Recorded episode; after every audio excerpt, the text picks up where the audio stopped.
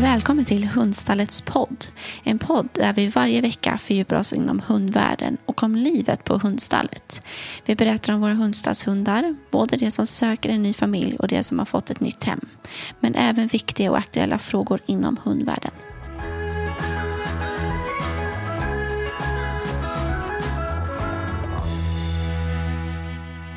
Denna vecka är vi i Almedalen och poddar på plats. Men innan dess så ska jag presentera veckans hund som är Sally. Hon är en glad och aktiv tjej på fyra år. Hon älskar att ta långa härliga promenader. Eh, hon kan även till en början vara ganska osäker med nya människor och behöver därför någon som kan stötta och vägleda henne i det som är svårt. Hon söker någon som helt enkelt bygger upp hennes självförtroende och ger mängder med kärlek och trygghet. Är du intresserad av Sally och vill veta mer? Gå då in på hundstallet.se.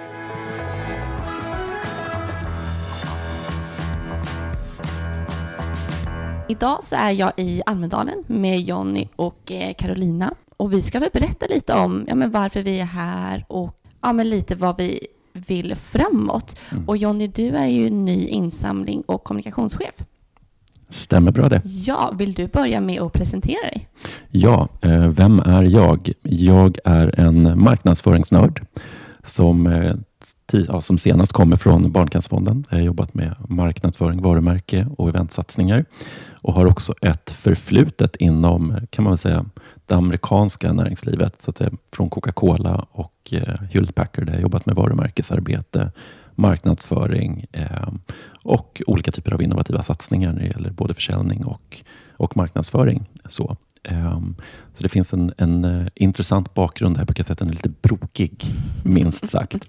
Så, och nu är jag hos det perfekta och fantastiska teamet på Hundstallet. Så det känns otroligt spännande och kul. Mm. Hur kommer din eh, roll se ut?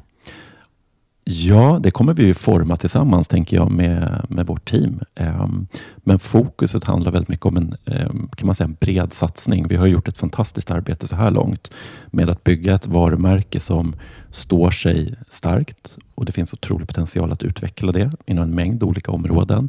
Så fokuset kommer vara mycket på kommunikativa insatser, eh, marknadsföringen, marknadskampanjer, Eh, att bygga relationen till våra givare och de som följer oss. Såklart också personer som vill adoptera hund är absolut prioriterat. Och sen också att driva olika områden som är mer specifika för marknadsföringen som eventsatsningar. Så. Men vi har också en, en stor satsning på ingång och också anledningen till att vi är i Almedalen som har att göra med just att driva opinion, eh, driva och utveckla kommunikationsarbetet ytterligare, ta fler steg framåt där, driva innovation, eh, också påverkansarbete. Så att vi har mycket att göra där till förmån för hundarnas välfärd. Så välfärdsfrågan för, för hundar är ju absolut prioriterat.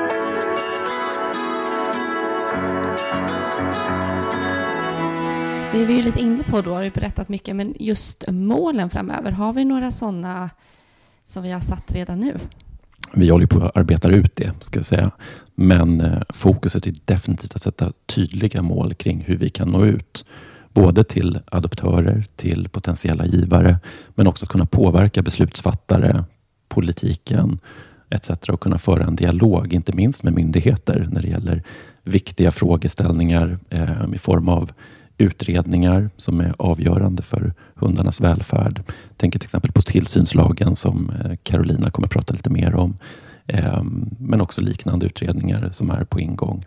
Mm. Så, så att där är vårt fokus och där kommer vi kunna bidra tillsammans, både från ett hundvälfärdsperspektiv så att säga, men också från kommunikationssidan, marknadsföringen, event etc. Och nu är vi i Almedalen och har varit här i några dagar. Vad, ehm, vad har vi sett hittills då? Jag känner mig superny eh, på Almedalen för det här året. Så det, det, är väldigt spännande. Men jag ska säga det att jag tycker att det är en väldigt fin aktivitet.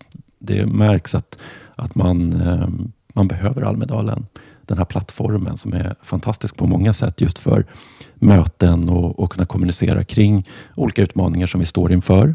I vårt fall så återigen då handlar det om hundvälfärden ehm, och de utmaningarna vi har där. Men det finns också ett bredare perspektiv med tanke på olika organisationer, företag och näringslivet som är på plats.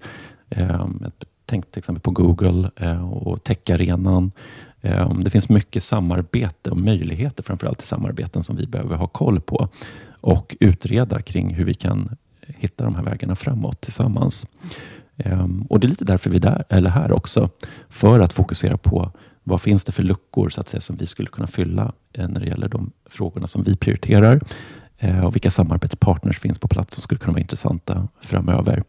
Eh, och vilka frågeställningar har vi kanske inte noterat som vi kan tycka vara intressanta inför framtiden. Mm.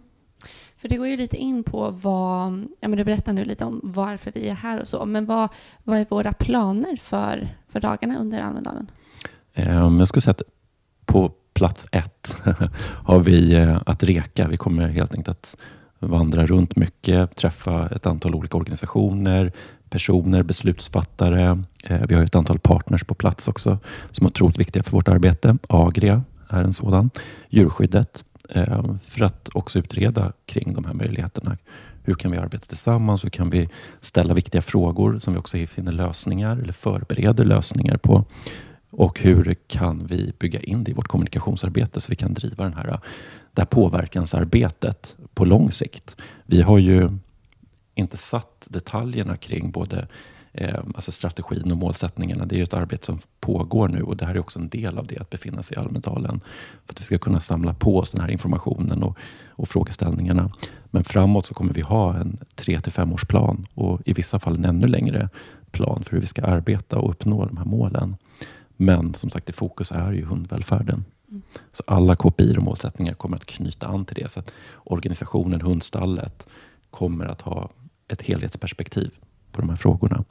Det är väl mer så att vi kommer att så att säga angripa de här utmaningarna från eh, flera håll mm. framöver. Så det blir 360-tänk.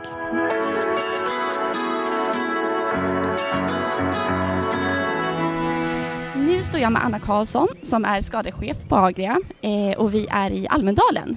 Eh, hur känns det att vara här? Nej, men det här känns ju jättekul. Äh, det är ett annorlunda forum för oss som djurförsäkringsbolag, men det är också väldigt uppskattat eh, och vi får ju också väldigt mycket eh, positivt från våra kunder och djurägare. Mm. Och ni är här bland annat för att prata om veterinärbristen i eh, samhället. Varför, varför tycker ni att det är viktigt att ta upp just det? Nej, men vi ser ju att eh, vi har eh, många nya djurägare eh, och eh, många kanske inte riktigt har rätt kunskap om och veta när ens djur är sjukt och så. Och då kan det bli att man faktiskt åker in till veterinären på felaktiga tider. Eh, och det gör ju också att när, eh, akutrummen blir ju liksom överbelastade eh, på felaktiga grunder. Samtidigt som vi också har en minskad, eller vi har en brist på veterinärer och djurhälsopersonal. Och det blir ju fel för alla, både för veterinärerna, djurhälsopersonalen, våra kunder men också för vårt kollektiv. Är det här någonting som i ert arbete att ni märker av att det är en stor brist? Ja, vi kanske inte märker av bristen mer än att vi ser att man kanske tar sig eh, till klinik och eh, liksom söker runt mera, eh, vilket ju också tar upp tid. Eh, sen bristen för oss det är att vi ser att djur kanske kommer in för sent, eh, att man får vård för sent och det blir ju en fara för, för djurhälsan så att säga. Eh, annars så märker vi inte vi av det direkt hos oss, för vi, våra kunder hör ju av sig liksom när de har antingen har haft ett besök eller inför då med vår nya tjänst som vi har infört. Mm. Vad, är, vad för typ av lösningar ser ni kring detta? Alltså, vi kan ju bara hjälpa till genom att vara här och faktiskt belysa det. Eh, vi har ett panelsamtal där vi har bjudit in eh, panelmedlemmar för att diskutera det här. Eh, det har ju också gjorts en statlig utredning som vi också har eh, bi bidragit med information kring det vi har. Vi har ändå funnits i många, många år så vi har väldigt mycket kunskap. Eh, så att vi kan kanske inte riktigt se lösningen men det vi kan göra är att hjälpa våra djur och djurägare för att underlätta i det vi faktiskt står och går i nu. Mm. Och ni hade en ny tjänst där som skulle kunna hjälpa till lite på vägen. Vad vill du berätta mer om den? Ja men precis, man kan väl säga att det är ungefär som 1177 för människor så har vi eh, dygnet runt öppet där vi har djursjukskötare och djurvårdare som svarar. Eh, dit våra kunder kan ringa helt gratis och hur många gånger de vill så fort de är oroliga eh, om djuret har något symptom eh, på sjukdom eller skada. Eh, så svarar vi eh, och man får lite råd och stöd. Man kan också få eh, en bokad tid i vår digitala veterinär, Agria Vårdguide. Men också om man behöver åka in så att man faktiskt kommer in till kliniken på rätt tid vid rätt tillfälle så att man inte åker en lördag kväll om man inte behöver. Eh, så det är lite bara goda råd, lite lugnande ord ibland men också hjälp, guidning vidare. Mm. Vad hoppas ni att efter de här panelsamtalen vad det kan leda till? Nej, men vi hoppas väl att de som kan förändra det här och det handlar ju om, om det statliga och vi har ju distriktsveterinären och alla, alla de organen som kan bidra till att veterinär eh, och djurhälsopersonalen ökas och får bättre, om det är arbetsmiljö eller vad än det kan vara. Det är ju det, är det vi vill belysa och hjälpa till till för att det handlar liksom till sist om våra djurs hälsa och vi vet att en del djur far illa för att vi har en för stor brist. Mm. Tusen tack Anna. Mm, tack.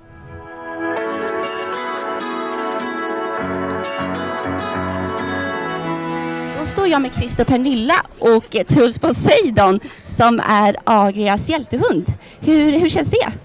Det känns jätteroligt att han får den uppmärksamheten. Jättekul. Han är ju eh, specialsökshund. Mm. Vad innebär det? Att han är utbildad på att leta narkotika, vapen och sprängmedel i förebyggande syfte. Ja. Hur länge har han jobbat som specialsökshund? Vi började träna honom när han var 12 veckor och det tar ett år ungefär att bli utbildad. Så han har jobbat sedan 2020. Mm. Och hur gammal är han nu? Han är fyra år. Fyra år. Hur skulle ni beskriva honom? En glad. En glad, en glad hund. ja, vad kul. Han, eh, ja men vad innebär det lite mer specifikt? Hur ser hans vardag ut? Ja, vi har ju utbildningar och vi åker på jobb som eh, till skolor, behandlingshem, företag, bostadsrättsföreningar och jobbar. Mm. Och jobbar förebyggande och letar narkotika och sprängmedel. Mm. Vad i hans vardag i jobbet, vad är det han tycker är roligast att göra? Vad säger vi? Ja, det är väl jobbet, jobbet i sig. Jobbet i sig. Ja. Han älskar att jobba. Jobba, ja. Jobbet är belöning ja. kan man säga. Ja, kul. Super, tack snälla. Tack.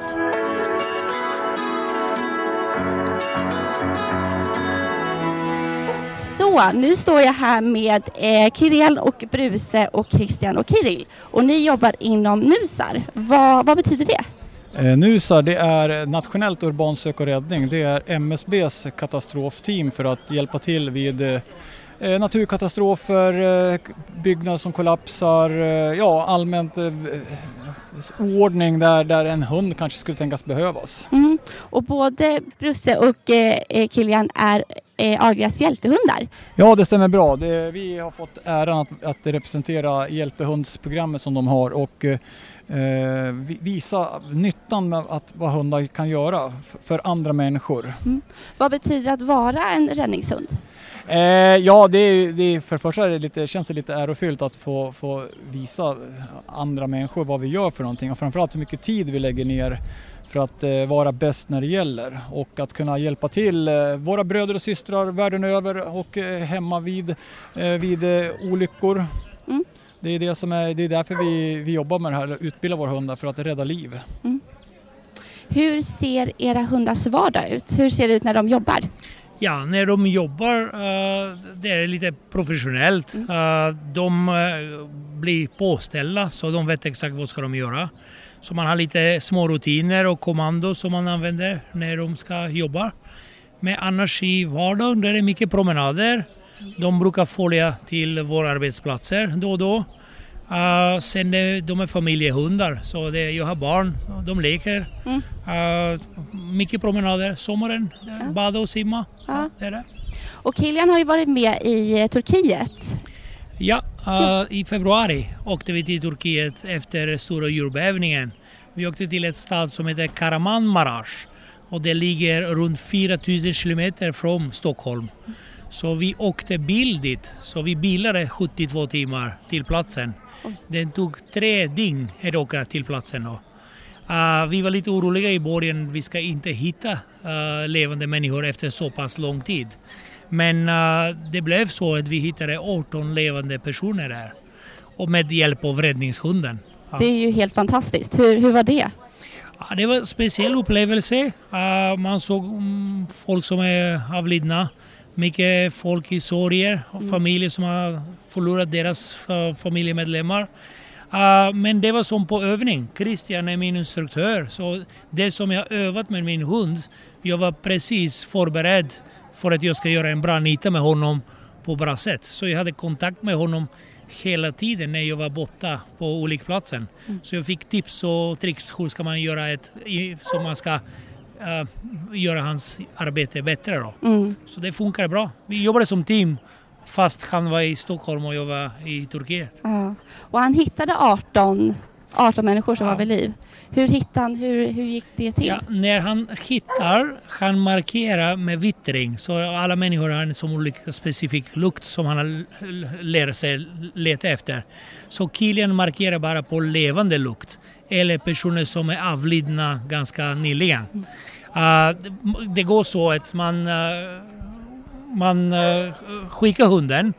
Uh, hunden stannar kvar och markerar på det ställe som personen kan befinna sig. Och hunden markerar med skall, skallmarkering. Mm. Och uh, då hunden ska stanna kvar tills föraren kommer. Så det kan vara så att killen är 300 meter bort från mig. Han har hittat, han stannar kvar. Det, det spelar ingen roll om det är bomber som ramlar eller om det är folk som skriker. Han stannar kvar tills jag kommer. Då markerar man platsen man förmedlar till räddningsstyrkorna, de börjar gräva där och då går vi till nästa platsen och, och letar. Mm. Men den staden som vi, vi har varit i, det var runt 600 000 människor som bor där. Mm. Uh, själva jordbävningen har inträffat mitt på natten, eller som klockan fyra på morgonen. Så alla var hemma och sov där. Mm. Så det var massor att hitta. Ja. Det som jag tycker är lite intressant är om man tänker sig då hur lång tid det tar för Kiril att åka ner och, då, att, att, då sätta sig in i tanken på att man suttit fastklämd under lika lång tid tills man blir framtagen. Det, den känslan alltså, att, och då också för Kiril när han hittar de här människorna. Mm. Eh, teoretiskt sett är hoppet ute men vi har insett att hoppet är aldrig ute. Mm. Och det är därför vi tycker att det är så viktigt att, att få göra nytta. Att utbilda räddningshundar, att, att kunna åka ut och söka. Och vi brukar säga det, man letar en nål i en höstack. Det är inte så jäkla lätt men har man hunden så kan vi snabbt begränsa sökområdet till eh, här borde vi sätta in sökinsatsen och det är precis det vi gör. Vi använder hunden som en specialsensor. Hitta den där vittringen av levande människor. Mm. Ja, det är fantastiskt, vilken insats. Ja. Tack. Tack, tack.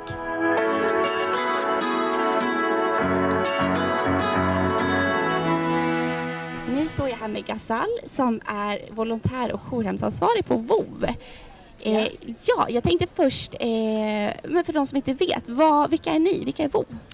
Eh, vi är en organisation som finns lite överallt i Sverige. Vi har en riksorganisation och sen så har vi under den här riksorganisationen så finns det eh, underorganisationer så att säga, eh, exempelvis Göteborg, Malmö, eh, Stockholm och norrut. Eh, och det vi gör är att vi hjälper dem som, eh, de personer som är i våldsamma eh, i våldutsatta, våldutsatta hem.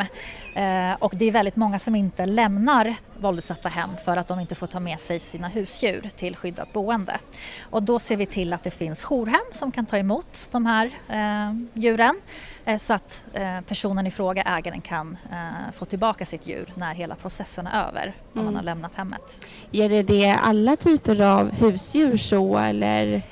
Det gäller alla, det gäller även hästar. Mm. Det är väl det största djuret just nu som jag vet att vi har omplacerat och kan omplacera. Eh, annars så är det allt ifrån katter, hundar till kaniner och hamstrar. Mm. Mm. Hur ser er vardag ut? Vad är det ni får möta? Eh, vi har väldigt sällan kontakt direkt med personen i fråga utan de som kan eh, kontakta oss är ju oftast från exempelvis socialen eh, eller väldigt många kvinnojourer som vi har samarbete med och i vissa fall advokatsbyråer som arbetar med just våld i hemmet. Mm. Och nu är ni i Almedalen. Hur känns det?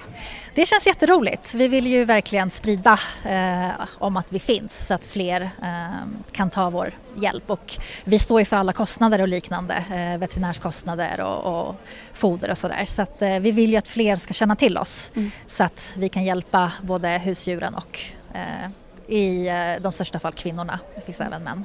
Men då är det så att om man behöver bo i alltså, tillfälligt boende under en tid innan Eh, den processen är klar så tar ni hand om, om djuret och sen kan de oftast återförenas. Eller hur fungerar hela den processen? Ja, de återförenas ju alltid. Det är ju i första hand de som inte vill omplacera sina djur. Ehm, och därav har stannat kvar i den här situationen som vi vill hjälpa. Eh, och då har vi jourhem som vi har kollat upp och som eh, vi vet kan ta hand om det här specifika djuret. Eh, som, då placeras det här djuret, exempelvis hunden, hos den här familjen. Och vi ser till att ingen vet vart det här djuret har placerats någonstans så att säkerheten är, är bra där. och sen när personen i fråga, den våldutsatta, har fått komma ut ur det skyddade boendet. Många skyddade boenden i i Sverige får man inte ta med sig sina husdjur. Eh, så då tar vi hand om det i de här jourhemmen eh, och så får man uppdateringar eh, på hur det går för djuret och sen när hela processen är över så återförenas mm. husdjuret och ägare.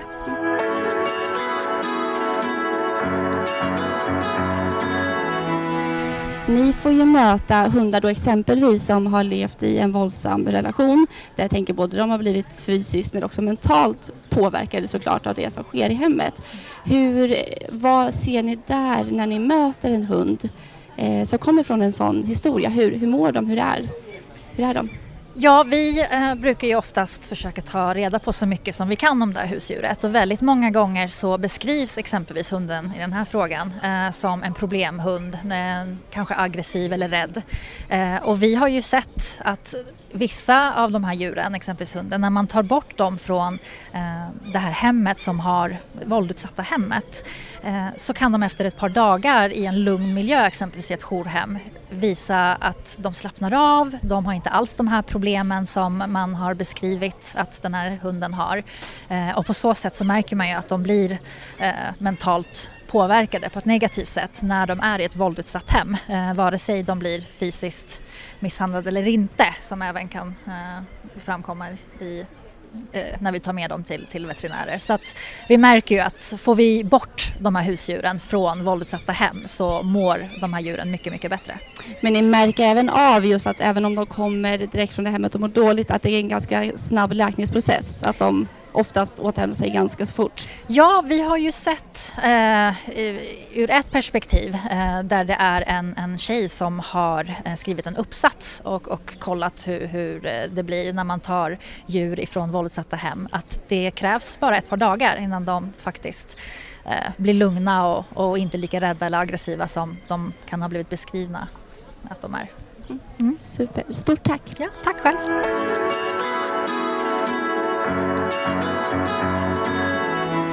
Carolina, vi har ju varit på plats några dagar och pratat med flera eh, som är i Almedalen. Mm. Och din roll är ju... Eh, men du jobbar ju mycket med frågor som tas upp här i Almedalen. Vill du, tänker du få börja med att beskriva din roll och ja, men varför vi... Eh, ja, men hur du jobbar helt enkelt. Precis. Men jag, jag har en ganska eh, spretig roll. Det är därför jag är, är lite här och där när, när, vi gör saker inom organisationen. Men mitt liksom, eh, primära fokus det är verkligen hundvälfärd och då är en stor del att vara, men, ha koll på, på vad som händer eh, i, inom djurskydd egentligen och, och där hundskydd liksom är en del av det. Hur vi påverkar djur och vad politikerna fattar för beslut kring djurskydd, det är ju sånt som, som påverkar sen får ringa på vattnet eh, och blir specifikt eh, för hundar. Eh, så att under Almedalen nu så, så har jag och, och kommer eh, bevaka de, de eh, panelsamtal och debatter och seminarier som, som rör djurskydd. Och jag tycker att det är superhärligt att se att det är en, en närvaro. Liksom, som, det, det, är tydligt att djuren tar plats eh, på Almedalen. Det är en hel del eh, organisationer på plats som, som arbetar med, med djurvälfärd och djurvälfärdsfrågor. Eh, vi har bland annat eh, Agria, som en av våra samarbetspartners, eh, lyfter eh, den stora bristen på veterinärer eh, som vi ser, som definitivt är en, en hundvälfärdsfråga, för det drabbar till slut eh, våra hundar när man inte har möjlighet att boka tid. Ehm, och det ser vi ju, men som privatperson också, som hundägare, så är ju det en, en ångest, så här, speciellt i sommartid. Vad fasken gör man om liksom, olyckan är framme eller någonting? Om man faktiskt inte får tag på en veterinär tid. Eh, så det är mm, en, en, ett panelsamtal som kommer med, med veterinärer och där man definitivt behöver göra någonting. Eh, för det ska inte vara så att man inte ska kunna få det är tydligt i vår djurskyddslag att man ska liksom, eh, ta sitt, sitt djur till veterinären helt enkelt ifall eh, det är sjukt eller lider och då måste man också ha möjlighet att göra det. Det ser vi också inom, inom vår organisation och de hundar vi möter att, att eh, det här med veterinärvård eh, är inte helt oproblematiskt längre. Det är mycket en ekonomisk fråga. Möjlighet att ha råd till försäkring och veterinärvård är också en sån där sak som är, som är viktigt att lyfta. Eh, för man ska ha möjlighet att hjälpa ett djur som som är sjukt. Helt enkelt. Eh, sen Agri har också lyft, de har hjältehundar på plats. Jag var väldigt, väldigt rörd igår och pratade med eh, husse till eh, Kilian, som är en av hjältehundarna som har hittat 18 personer i, i eh, massorna efter, efter jordbävningen i Turkiet. Otroligt stark berättelse att lyssna på, hur det arbetet går till. Eh, och väldigt, väldigt tydligt vilken, alltså vilka fantastiska hundar, det finns alla hundar fantastiska, men shit alltså, vilket arbete att vara där med massorna och sen så höra den där golden retrievern skälla. Det måste vara helt obeskrivligt att ha legat där i flera dagar och tänkt att ingen kommer att hitta mig och så har man ett hundskall. Det tyckte jag var otroligt rörande. Eh, så det var en väldigt fin historia och det har vi, eh, vi intervjuade ju också eh, Husse, så det kommer i, i podden. Eh, vi hade också Truls Poseidon på plats som är narkotika, en specialsökshund som letar narkotika och precis har gjort ett jättestort tillslag på ett eh, behandlingshem, tror jag det var, eh, som har lett till att, att polisen har kommit vidare i arbetet mot, mot narkotikahandel, eh, som var jättekul att träffa honom. Ehm, ja, det har varit alla möjliga saker som Agria har för sig. Ehm, djurskyddet är på plats. Vi ska lyssna på. De kommer lyfta krisberedskap. Ehm, vad gör man om, om, om, krisen kommer och vi behöver sätta oss i säkerhet och man inte får med sig faktiskt sin hund i skyddsrum. Det är en av de sakerna som de har lyft. Eh, regelverket kring det. Det tror jag är någonting som oroar alla djurälskare.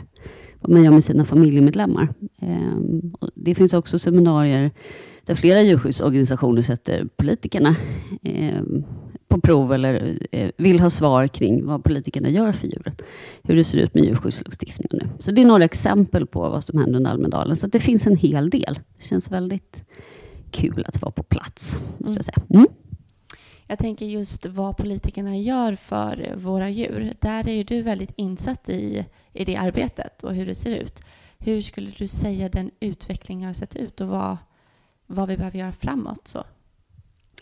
men det är ju... Eh, jag tror det, det, som kommer belysas ganska mycket här, det är ju djurskyddslagstiftning som kanske inte primärt handlar om hund, utan det är saker som beteskrav för kor och den typen av frågeställningar. Men, men all typ av lagstiftning påverkar eh, djur liksom, generellt. Det, det, sätter en tonalitet i vad vi tillåter, skulle jag säga. Så det är högst relevant ändå, även om det inte är specifikt hund.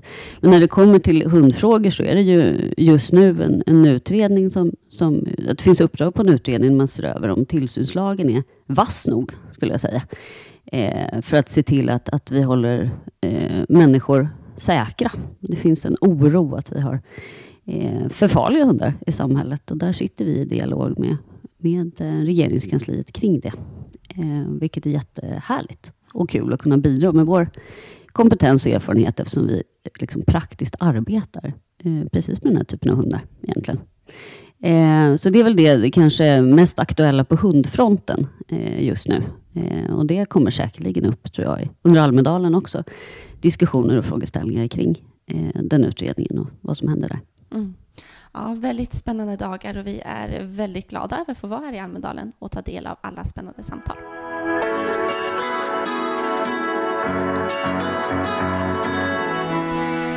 Vi är ju många på plats i Almedalen som vill, eh, ja, men vill samma sak och jobba framåt för välfärden för djur. Eh, vad hoppas vi kunna göra tillsammans? Ja, vi ser ju otrolig bredd i de här viktiga frågeställningarna som Carolina pratade om nyss ehm, och potentiella partnerskap med djurskyddet och vårt starka samarbete med Agria är ju så kallade grundpelare i det här arbetet framöver. Så att förhoppningen är att vi ska kunna lyfta de viktiga frågorna tillsammans och också kunna förbereda och driva ett kommunikationsarbete som kan påverka till förändring och förbättring för hundarna och hundarnas välfärd. Så att det, det finns otroligt mycket att göra och en otrolig potential i det. Det handlar ju om att hitta vilka fokusområden och, och vilka frågor vi fokuserar på under vilka perioder så att säga. Men där, där finns en otrolig potential och det är jättespännande.